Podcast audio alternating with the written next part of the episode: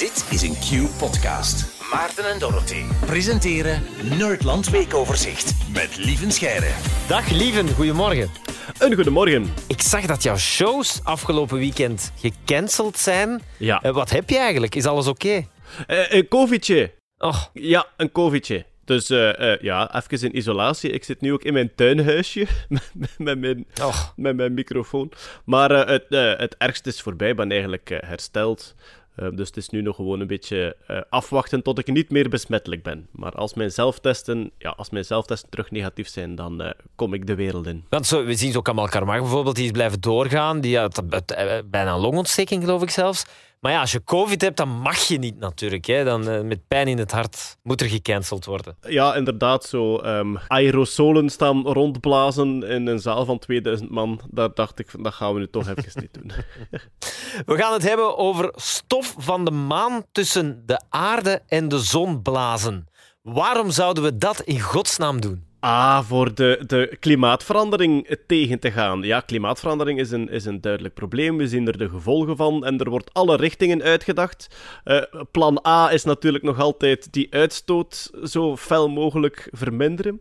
Ehm, Maar er wordt ook aan andere dingen gedacht. Hè. Eh, er wordt eh, gedacht aan hoe gaan, we, hoe gaan we ermee omgaan als alles warmer wordt. En er wordt ook gedacht aan geoengineering. Ik weet niet of je die term al gehoord hebt. Nee, nee. Geoengineering is eigenlijk ja, het, het eh, ingenieursoplossingen voor de aarde bedenken om de boel terug af te koelen. En daar zitten de zotste dingen bij. Eh, sommige, eh, sommigen stellen voor van eh, heel veel stofdeeltjes in de atmosfeer te verspreiden omdat je dan eigenlijk een soort schaduweffect krijgt. hè. Global dimming heet dat. Dus dat je eigenlijk een stuk zonlicht tegenhoudt. Eh, sommigen zeggen we moeten heel veel ijzerveilsel in de oceanen droppen. Dan gaan er algen groeien die de CO2 opnemen.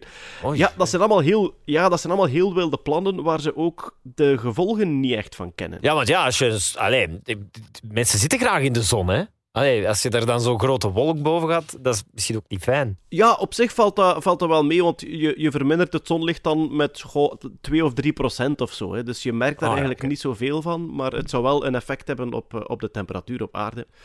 En nu was er een eh, publicatie in PLOS Climate, een wetenschappelijk tijdschrift. En Benjamin Bromley van de Universiteit van Utah, die stelt voor...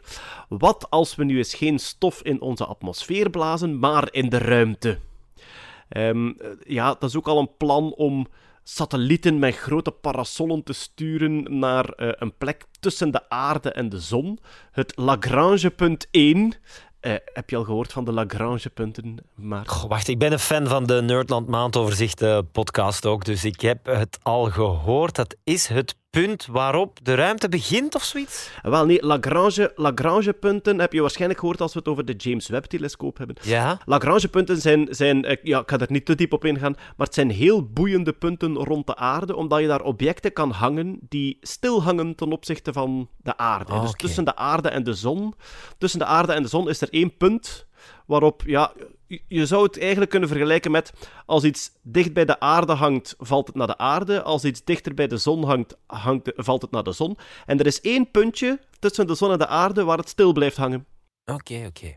En dan noemen ze het Lagrangepunt, Lagrangepunt 1. En er zijn dus voorstellen van als we daar nu eens grote ruimtezeilen spannen en parasollen die we met een afstandsbediening open en dicht kunnen doen en zo kunnen bepalen welke temperatuur het is. Allemaal heel futuristisch.